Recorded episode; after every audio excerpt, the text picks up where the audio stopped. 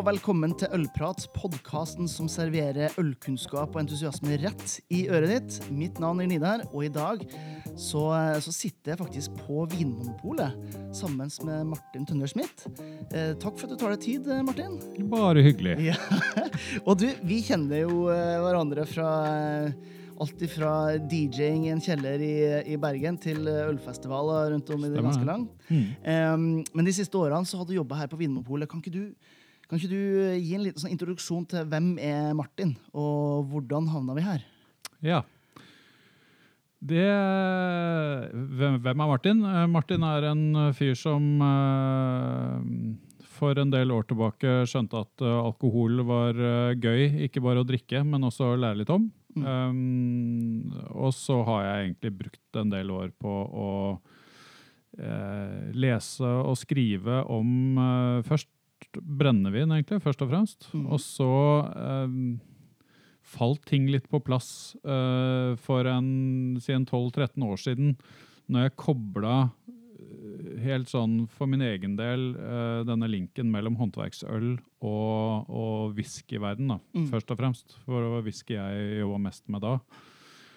Um, og det fikk meg til å bli mer nysgjerrig på øl enn det hadde vært fram til da.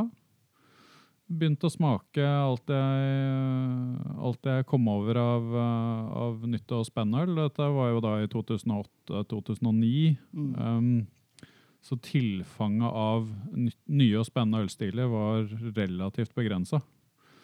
Men, uh, men jeg, jeg, har jo noen sånne lyspæreøyeblikk. Og, og Første gangen jeg smakte en double IPA, det, det kommer jeg aldri til å glemme. En sånn aha-opplevelse. Ja. Så um, det tok meg liksom inn i noen år med, med import og salg av øl og brennevin. Um, og så uh, søkte jeg da på en jobb her i Vinmopolet som produktsjef for øl og brennevin mm. i 2016. Så siden juni 2016 så har jeg jobbet her. Mm. Mm. Jeg har jo jobba i Vinmonopolet også. Nå er det en drøye ni-ti år siden. Og jeg husker jo det første ølslippet som var da. Og på den tiden når jeg jobba der, så var det en, kanskje en 100-200 produkter. Nei, jeg tror ikke det var 200 ganger. Jeg tror det var litt over 100 produkter. Så kom Vinmonopolet eh, med det her ølslippet. 20 pluss nye øl. Eh, det har aldri vært lansert så mye. Og jeg mhm. husker den dag i dag. En av de mest eh, anerkjente vinskribentene i Norge, fortsatt aktiv, mm. Eh, skrev at det var den mest mislykka eh, lanseringa i Vinopolets historie. I dag er det langt over 1000 øl tilgjengelig på, eh, på, eh, på polet. Og det lanseres nye øl nesten jeg skulle si ukentlig. Så gærent er det ikke. Men, det er ikke så langt unna. Nei, men hver eneste nyhetslansering. Mm. Um, du kom inn fra, det, fra importbransjen, altså mm. inn her. Hvordan så du på en måte Vinmonopolet før du kom inn i det, med hensyn til utvalg og, og innovasjon? Um, sikkert noen av de over meg i systemet som blir litt irritert nå. Men jeg var ganske misfornøyd med hvordan Vinmonopolet jobba med øl. Mm. Um, og det var jo ikke fordi at man ikke ville gjøre en god jobb på øl, men jeg tror man manglet litt innsikt i hvordan ølbransjen fungerer. Mm. Fordi at det er ganske mange forskjeller mellom eh, Altså på vin så har du Du står i en helt annen tradisjon som vinmaker. Du, du jobber med årganger, og du jobber, liksom, du jobber, med produktene dine på en helt annen måte. Eh, brennevin har en mye lengre tidshorisont som regel. Eh, på øl så, så, er det altså, Ting går fort. Mm. Uh, ting forandrer seg fort. Vi vet veldig godt, du og jeg, at, at trendene innenfor hva som er uh, hot eller uh, not i, i, ølverden, det kan snu på bare en uke eller to. Mm. Og det er veldig vanskelig å få til å fungere i et system som Vinmonopolet. Fordi at vi har veldig lange vi jobber i lange tids, tidshorisonter. Vi lange, lange linjer på ting vi gjør. Um, nå jobber jeg bare spesialutvalget, vi kan snakke litt mer om det etterpå. Men, men uh, når man sitter som produktsjef i basisutvalget, så jobber man Hadde jeg gjort det nå, så hadde jeg i dag sittet og planlagt hva vi, hva skulle, uh, hva vi skulle lansere om et år. Mm. Kanskje et og et halvt år. Uh, og, og det er mye som forandrer seg i ølverden på ett og et halvt år. Ekstremt mye. Ja. Så, så det, var, det var kanskje den, den største utfordringen for min del. Altså, hvordan kan vi eh, oppleve som mer på en måte, brukervennlig for ølkundene våre? Mm. Hvordan kan vi sørge for at opplevelsen våre kunder får når de går inn i et vinmonopol, er så bra som den kan være? Mm. Um, fordi jeg er innmari stolt av det vi, det vi gjør, det vi har gjort, og det vi og Jeg tror vi kommer til å gjøre mye bra i fremtiden også. Fordi at uh, fokuset for oss er hva må vi gjøre for, eh, for at vi skal oppleve som relevante for kundene våre. Mm. Ja, den, altså den veien syns jeg også er veldig fascinerende å se. Og jeg må jo si, jeg sitter ikke i Vinmonopolet, men jeg er òg litt stolt over den jobben som har blitt gjort. For jeg husker jo når det å, å være produktsjef på øl ikke var en del av den arbeidstittelen som det skulle være. Det var en sånn bigeskjeft man fikk, i tillegg til å ha ansvaret, eller egentlig hovedansvaret for diverse vinland eller brennevin. eller hva det måtte være. Det er jo I 2014 fikk vel Vinmonopol som første produktsjef Mm. på øl. Ja. Eller øl og brennevin. da. Og da hadde det gått ganske mange år siden sterkøl ble flytta fra butikk Det til kan du si. eh, Ja, det var i 93. da. mm. Så, så ja, det har, skjedd mye. Jeg var jo da den andre produktsjefen som ble ansatt i Vinmonopolet Mm. som øl- og brennevinsproduktsjef. Um, ja, så det, da, det, har- det skjedd mye. Um, og så kommer det til å skje veldig mye mer. Mm. Og så må vi bare Jeg tenker jo at det handler mye om å, å ikke, ikke være fornøyd med hvordan ting er i dag. Men se fremover og hele tiden prøve å utvikle oss og forbedre oss. Mm. Vi holder jo på mye med, med ølkunnskap, og, og en av de tingene som jeg husker altså En av de største endringene jeg har sett internt på Vinmonopolet, som folk garantert ikke har sett der ute, det er hvordan det med, med kunnskapen rundt øl har endra seg. Jeg hadde eh, litt grunnleggende eh, kunnskap om forskjellen på en ale og en lager, og det gjorde til at jeg var ølekspert i nesten alle butikkene jeg jobba i, og jeg jobba i nesten alle i Oslo. Eh, og i dag så er internutdanninga innenfor øl sånn som jeg forstår det, den mest søkte eh, grenen av videreutdanning i, internt i Vinmonopolet. Eh, kan du snakke litt om, om hva Polet har gjort eh, siden måte, første produktsjef på øl ble ansatt, når det kommer til både internutdanning, men òg ja, rett og slett eh, opplæring av, av kunder? kan svare så godt jeg kan. Eh, det vi gjør med den interne opplæringen, er eh, Altså, disse internkursene for ansatte, de, de utvikles jo hele tiden. Um, vi foretok en ganske betydelig oppgradering av det interne ølkurset for to, to og et halvt år siden. Um, uh, og da går det på alt fra på måte, hva slag, hvor mye teori og hva slags teori som puttes inn i kurset, men også hva kursdeltakerne smaker. Mm. Uh, sånn at vi sørger for at de er så oppdatert som mulig på nye stiler, nye understiler, eh, variasjoner. ehm, og, og ikke minst det at vi Jeg tenker at det er kjempeviktig at vi, vi gjør det vi kan for å vekke en interesse eller en nysgjerrighet. Mm. Eh, fordi at hvis du er nysgjerrig, og i hvert fall hvis du jobber i Vinmonopolet, hvis du er nysgjerrig, du, du lærer smaketeknikk. Sånn at hvis du kobler de to tingene, så har du ganske store muligheter til å oppdage ting på egen hånd. Mm.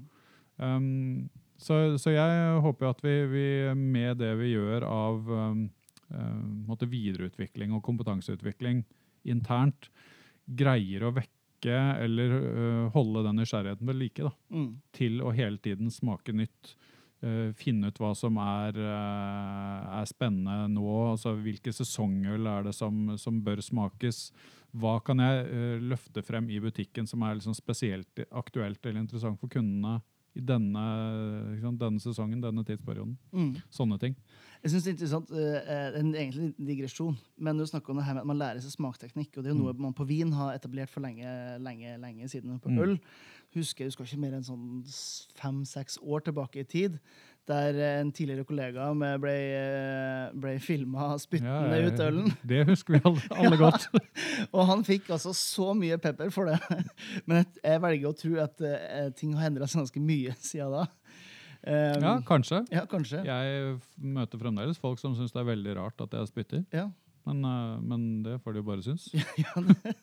Jeg har jo sagt det, og så skulle jeg ikke spytta i alle de åra jeg holdt på å smake, så hadde jeg vært alkoholiker for mange mange år siden. Ikke sikkert at du har sittet her i hele hele Nei, tatt. antageligvis ikke. Ja, det var litt uh, morbid tanke, men uh, um, hvis du ser på vi snakker litt om, om utdanning sånn som ligger bak, men det er selvfølgelig den, den kunnskapen kan ikke brukes til noe hvis man ikke har et utvalg man kan presentere. Mm. Du snakka litt om at du jobber med, med det som går i spesialbutikkene. Mm. Um, og det er vel sånn for å bryte ned uh, hvordan uh, Polet sitt, uh, sitt vareorden er, så har du det som er basis, det som du finner i forholdsvis mange butikker. Ja. Uh, avhengig av størrelse så må man ha et visst antall av dem. Eh, så har du bestillingsutvalget, altså BU. Mm. Eh, og jeg vil også legge nesten inn TU der. er Litt sånn logistiske endringer. Men så har du det som er spesial, da.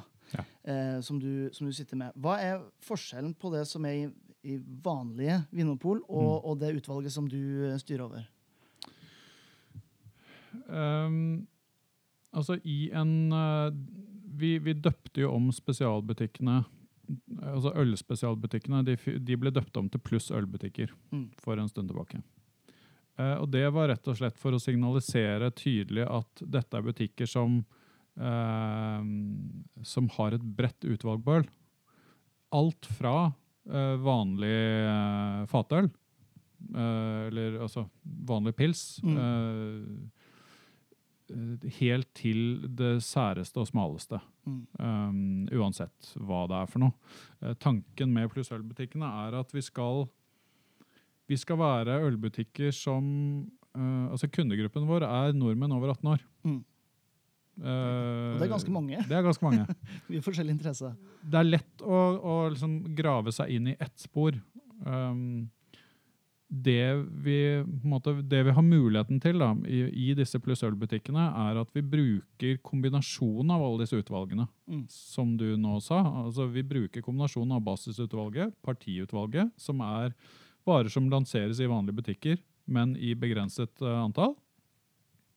Vi bruker bestillingsutvalget, tilleggsutvalget og spesialutvalget for å bygge en totalpakke for ølkundene våre som eh, sørger for at alle som går inn i en vinmonopolbutikk for å kjøpe øl, skal finne noe eh, som, som treffer eh, deres behov. Mm. Ja. Hvor, eh, kan du si litt hvordan dere jobber for å finne, for å finne det ut? da? Ja, så tenker du på å finne ut hva kundene våre er ute etter? Ja, ja, og, Ja, eller, og, eh, og hvem eventuelt som kan tilby. eh, Ja, eh, altså det, det er jo da eh, ganske mange bevegelige deler i den prosessen. Det jeg gjør i spesialutvalget, er kan du på en måte si den, den minst kompliserte av de. Um, vi har en mulighet til å kjøpe inn direkte. Um, så lenge vi kjøper inn i uh, små kvanta. Mm.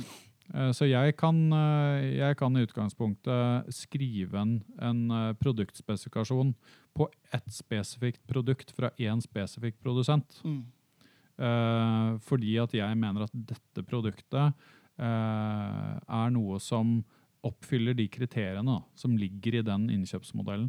Mm. Og, og når, vi, når vi gjør det, så kan vi da gå ut til Så da kan vi legge ut et anbud da, til én spesifikk produsent. Så vi vil ha det ølet fra deg. Mm. Fordi at vi eh, Fordi at det, det, det tjener en helt spesifikk funksjon. Mm. Eh, men som jeg sa i stad, det er veldig begrensa volum. Da har vi opptil 675 cm flasker Mm. som vi kan kjøpe inn på én sånn spesifikasjon. Ja, Eller 1233 cm. En palle, egentlig. Ja, noe sånt. Og det er jo kanskje forskjellen på den jobben som du gjør eh, til pluss ølbutikkene, og det med å tenke i basis- eller partiutvalget. Ja, for der må man tenke helt annerledes. Eh, for det første så har man jo da en eh, Det følger jo den vanlige innkjøpsmetoden som eh, alt eh, alle måtte kjenne Vinmopolet som. Mm. Eh, vi har Og, den er, og den er ganske lang i forhold. Den er lang eh, i tid og i antall prosesser man skal gjennom. Eh, et vanlig innkjøpsløp i Vinmonopolet varer vel i 34 eller 35 uker. Mm. måte Fra man utlyser et anbud til varen lanseres. Mm. Um, og um, så vidt jeg forstår med min uh, enkle hjerne, så er det mer enn et halvt år. Ja, det, Stemmer. Så det er lenge. Um, men uh, da har man jo ikke sant, Produktsjefen skriver en spesifikasjon på stil. Ikke på produkt, men på stil. Uh, de uh, leverandørene som da har produkter som svarer til spesifikasjonen, leverer det inn. Uh, vi har et smakspanel som heter sensorisk prøveinstans, som Mm. smaker dette. Rangerer det på sensorisk kvalitet. Vi har en innkjøpsavdeling som sammenstiller dette, og så igjen får produktsjefen muligheten til å skrive en, en vurdering av de ulike produktene ut ifra et markedsperspektiv helt til slutt.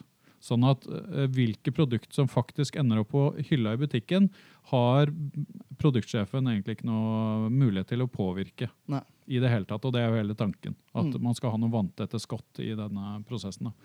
Så det, det syns jeg er et uh, utrolig bra system. Mm. Uh, og det sørger for at uh, norske alkoholkunder sånn generelt har eh, er litt bortskjemt. Mhm. For at det er veldig mye god kvalitet, eh, nesten uansett hva du er ute etter, i, i eh, vinmonopolhyllene. Uh, og så har vi den lille sikkerhetsventilen, som jeg liker å kalle det, som er spesialutvalget, som da eh, kanskje ivaretar de mest kresne, de mest krevende, de mest interesserte og de mest eh, måte lidenskapelige vinkundene, brennevinskundene og ølkundene. Mm. Og det er jo kanskje ikke så relevant for, eh, for ølen sin del, som er generelt ganske sånn lavt priser, selv om det er veldig eh, spesielle saker. Men eh, en, en ting som lytterne kan, kan ta med seg, er jo at det kommer folk fra hele verden for å eh, være med på auksjoner og på spesialslipp, Ja. eh, spesielt på vin. Mm. Rett og slett fordi at eh, Vinmonopolet er, er, har ganske flat prising, Mm. mens hvis man skal kjøpe en, en type eh, spesielt god årgang fra Bordeaux, eh, så kommer du til å betale mye mer hvis du kjøper det bare i sånn som i Danmark. For Ja, eksempel. definitivt. Så, um, så jeg er alltid, jeg er alltid ja, Det tror jeg kanskje er indoktrinert fra min tid Mhm. i Vinopol. Det at eh, dyre produkter er billige i Norge, og billige produkter er dyre. Men det har med alkoholavgiftene, da. Mm.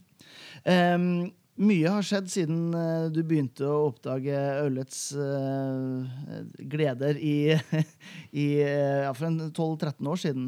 Eh, spesielt når det kommer til antall norske bryggerier. Ja. Uh, som har kommet og gått, men som tilsynelatende det bare øker i antall. Mm. Hva, fra ditt ståsted som en, som en produktsjef i den kategorien som du er nå i, i Vinmonopolet, er det noen Er det noen stiler eller områder som enda er uutforska hmm. i, i Norge? Godt spørsmål. Altså, det er vel ikke så mye som er uutforsket, men jeg tenker at det er ganske mye som ikke, ikke er utforsket godt nok. Mm. Eh, man kan ta nysgjerrigheten sin som brygger noen skritt lenger, eh, tenker jeg innimellom. Eh, det er litt for mange som er litt for flinke til å, å Altså man er veldig sånn trygg, trygghetssøkende da, i det man gjør. At man tar noen risikoer, eh, definitivt, når man driver eh, bryggeri i dag. Mm.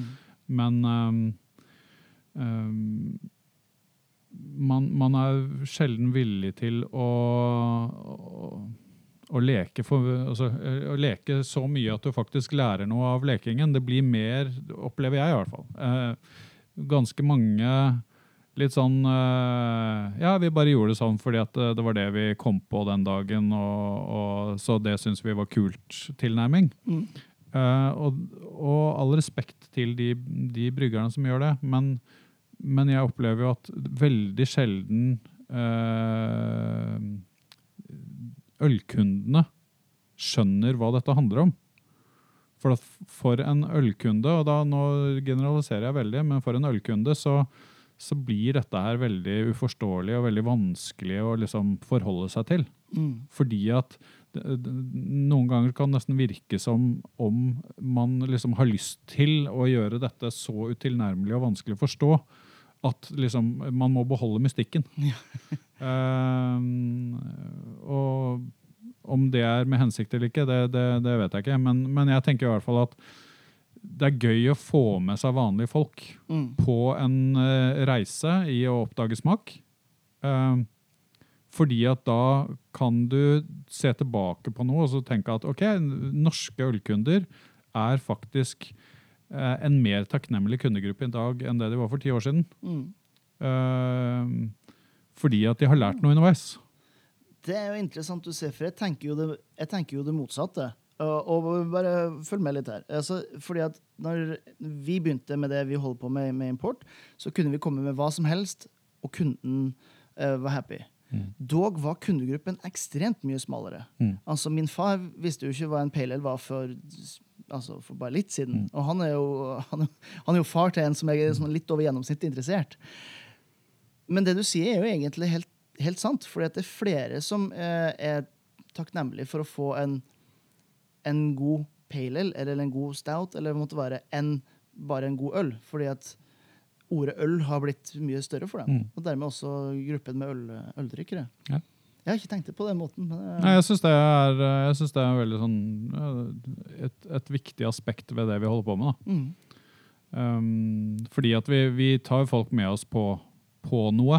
Mm. Ikke sant? Hvis, hvis du som ølkunde er villig til å bruke 100 kroner da, på en flaske øl, så er det veldig fint om den bryggeren som har laga den flaska med øl, eh, har tenkt at ok, dette her skal ha flere funksjoner enn eh, alkoholleveranse eh, eller eh, peiskos. mm, Men at, eh, at dette som produkt greier å liksom kommunisere et eller annet til, til de som, eh, som drikker det. Sånn at man kanskje blir nysgjerrig, da.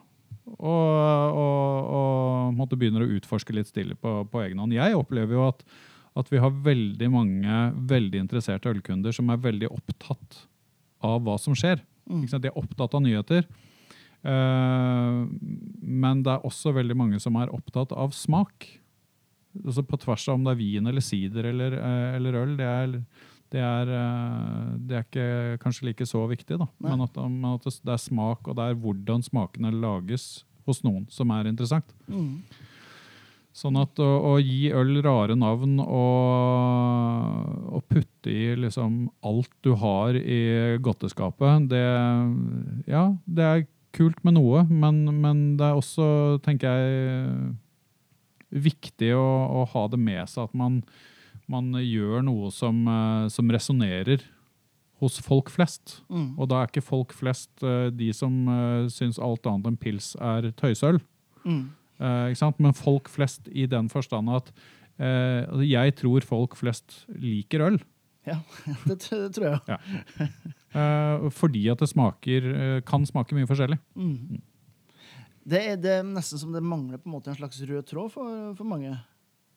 Ja, jeg tror det handler litt om at man hopper litt fra, fra stein til stein, fordi at man, man er kanskje redd for å gå glipp av noe, eller man altså, Trender og hyper og, og hva som er i fokus, forandrer seg ganske fort. Mm. Uh, da slutter man å utforske i dybden, og så bare utforsker man i bredden. Og så, og så smaker man mye, kanskje, uten å, uten å helt huske hva man har smakt. Uh, jeg er jo en eh, sterk motstander av Untapped, Mm. nettopp av den grunn. Fordi at det er mye mer fokus på kvantitet. Altså du skal ha smakt mye, enn å, enn å ha et forhold til hva du har smakt Mm. og hvorfor du smaker det. Um, jeg gidder ikke å smake et øl bare fordi jeg ikke har smakt det før. Jeg syns det er kjempeinteressant å smake ny øl, Ja. men, men hvis, hvis hele poenget med å smake det er at dette har jeg ikke smakt før, så jeg må bare liksom få tikka det, Mm. det, det, det gjør jeg ikke. Nei. Jeg husker enda eh, Jeg har en tante som bor i Bindal. Det her blir veldig, veldig intimt. Men eh, de holder på med sau.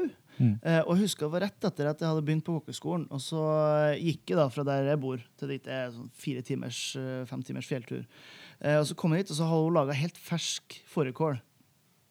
Og eh, da husker jeg hun sa hun beklaga seg. At, eh, at det bare var noe så enkelt som fårikål.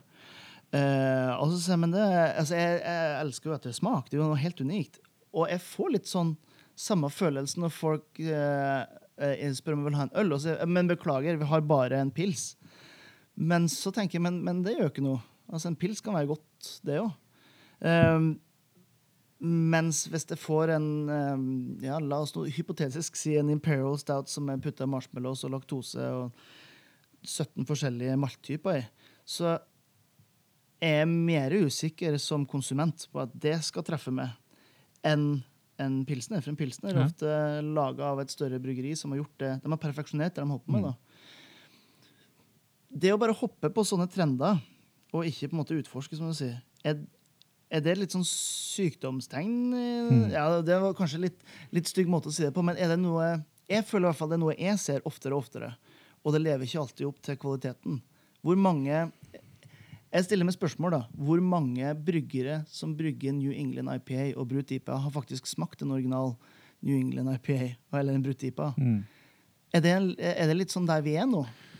På en måte? Er vi sånn Kanskje, men igjen er det, eh, er det viktig på en måte. Jeg, jeg, eh, jeg tenker jo at alle som brygger New England IPA i dag, de har De gjør det av flere grunner. Eh, De gjør det forhåpentligvis fordi at de syns det er en interessant ølstil. Mm. Um, de gjør det forhåpentligvis fordi de syns det smaker godt. Og så gjør de det uh, veldig sannsynlig fordi at um, det er stor interesse rundt New England IPA om dagen. Mm.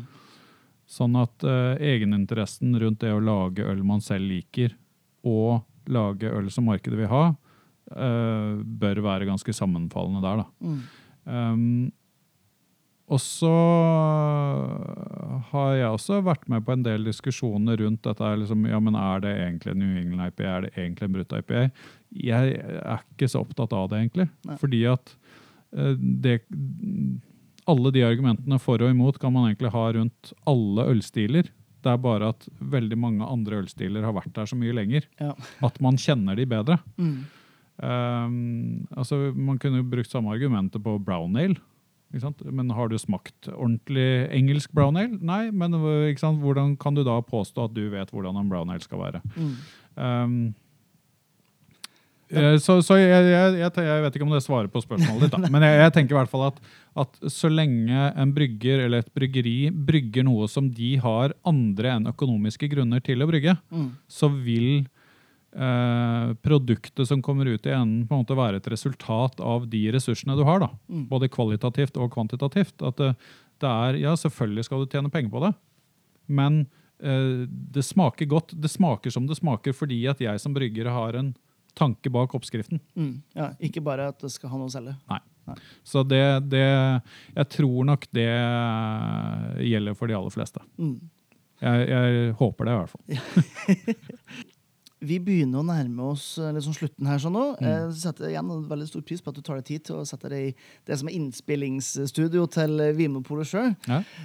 Um, og før vi på en måte begynner å- runde helt av, så skal jeg spørre noe. Jeg stiller det til alle. Vi, før vi digger øl og mat. Mm. Og eh, jeg tar jo med meg vinbladet fra, um, fra Vinmonopolet ja, en gang i måneden. Annenhver Mm. måned.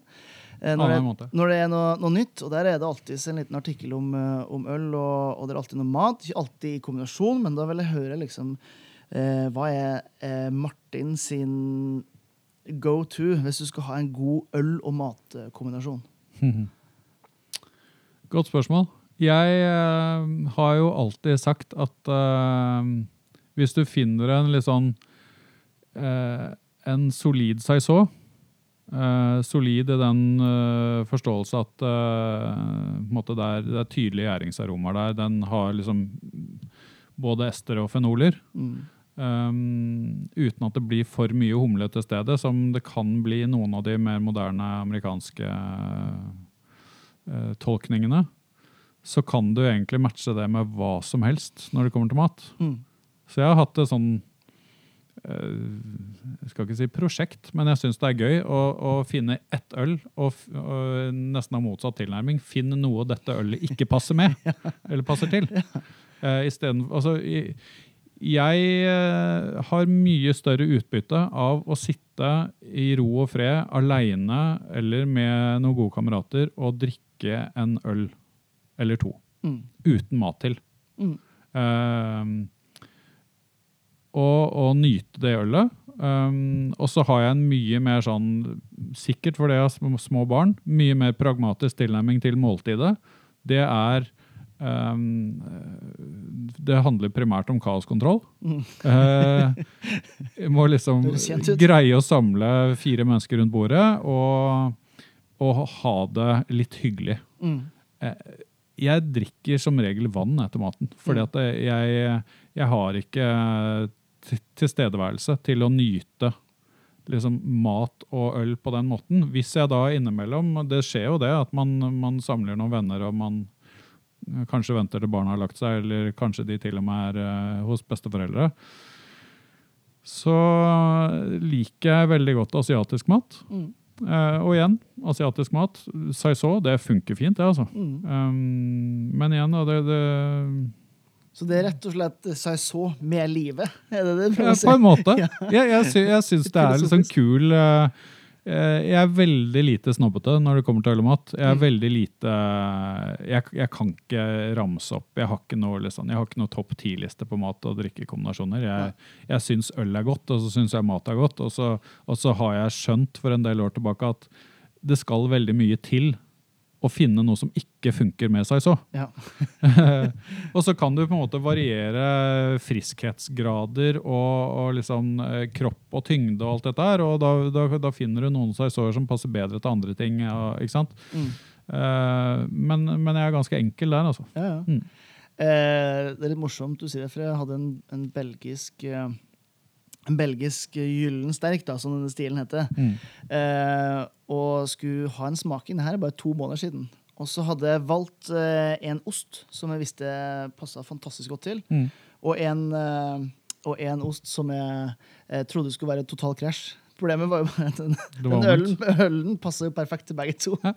Så, eh, og så er litt i den samme, samme Ja. stilen. Ja, nei, men uh, jeg syns jo det er gøy. jeg. Um, altså Jeg er veldig glad i barleywine og blåmuggost og honning og rugbrød og liksom de, de greiene der. Men, men Mm. igjen, det er utrolig sjelden jeg har tid og ork til å sette meg ned med sånt. Mm. Um, men, men igjen, jeg, jeg syns det er gøy med, med lagring av øl. Jeg syns det er gøy å åpne øl og se hvor lang tid det tar før det blir dårlig etter Mm. at jeg åpna flaska. Jeg, altså, jeg har hatt en flaske barleywine stående i kjøleskapet mitt i ett og et halvt år og tatt ett glass i eh, sånn hver andre-tredje måned. Ja. Uh, bare for å se hvordan det utvikler seg. Sånne ting syns jeg er gøy. Jeg har, hatt, eh, jeg har øl i, i kjøleskapet hjemme uh, som har stått der i tolv år. Og som jeg fremdeles tenker at ja, det kan stå et par år til. Ja. Hvorfor? Nei, hvorfor ikke? Litt sånn smaksnerd, dette. Ja, det. det syns jeg er gøy. Ja. Og der har jeg mye forskjellig. Mm. Og, og, og litt derfor også så syns jeg det er liksom jeg, jeg, jeg er glad i juleøltradisjonen vår. Fordi at jeg syns det er hyggelig å kjøpe noen flasker øl hvert år, og så setter jeg det vekk. Mm. Og så kommer jeg tilbake til det fem, seks, syv, åtte år etterpå. Mm.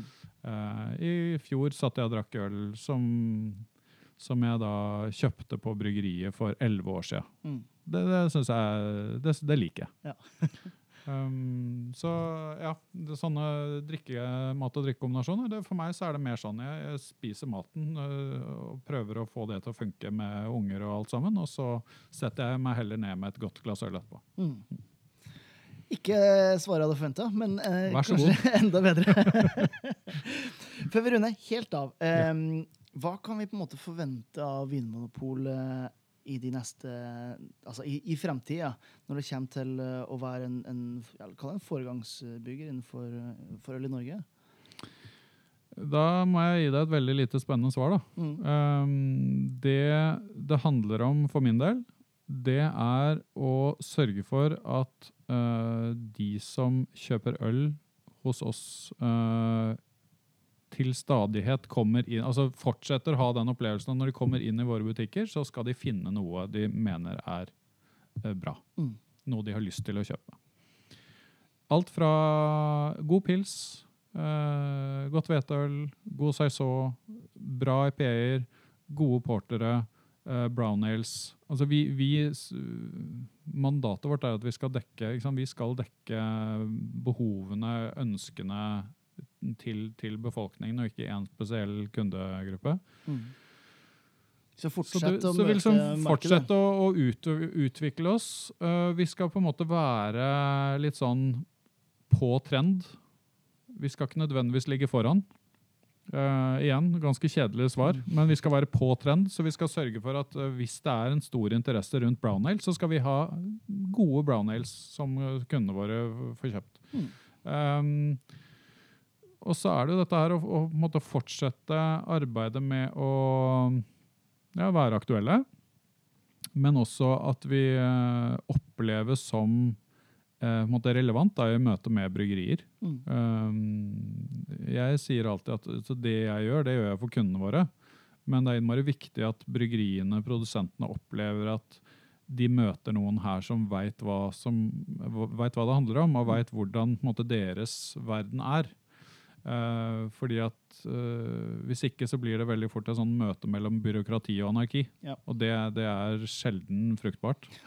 um, så vi, har, sant, vi gjør noen grep, da, sant, sånn som dette vi kaller for lynkjøp, Mm. som ble innført for et par år siden, hvor vi kutter ned innkjøpsløpet eh, på, spesielt på øl, og da igjen spesielt på IPA og andre humledrevne ølstiler, Mm. For å sørge for i så stor grad som vi greier å få ferskest mulig øl ut i hyllene. Mm. Um, så sånne ting så jo- jo- jobber vi mye med. Vi jobber med kjølemuligheter, kjølekapasitet i butikker. Um, og har fokus på at vi, vi ønsker å jobbe med liksom vi, vi fortsetter å utvikle kompetansen til de som jobber i butikk. Vi vil fortsette å uh, gjøre de forbedringene vi kan på liksom alt av uh, bevegelige deler som vi styrer over. Um, og det er vel egentlig det. Ja. Prøve, å, prøve å ha fingeren litt på pulsen. Mm. Mm. Martin, igjen tusen takk for at du tok deg tid til å prate med Bare Bare Jeg hyggelig. setter pris på. Jeg håper de som, eh, de som hørte på, har lært like mye eh, som det jeg har gjort. Eh, også til dere som hører på, altså dere millioner av lyttere som vi har her på daglig basis. Eh, Trilliarder. Ja, trilliarder. Eh, så vil jeg bare si takk for at dere hørte på. Eh, dere finner oss der dere finner både podkaster og sosiale medier. i hele tatt. Så dere får bare gi oss tomler og subscribe og alt det der som de ordentlig store gutta sier. Og så får du huske til neste gang at eh, gode folk fortjener godt øl. Vær så god.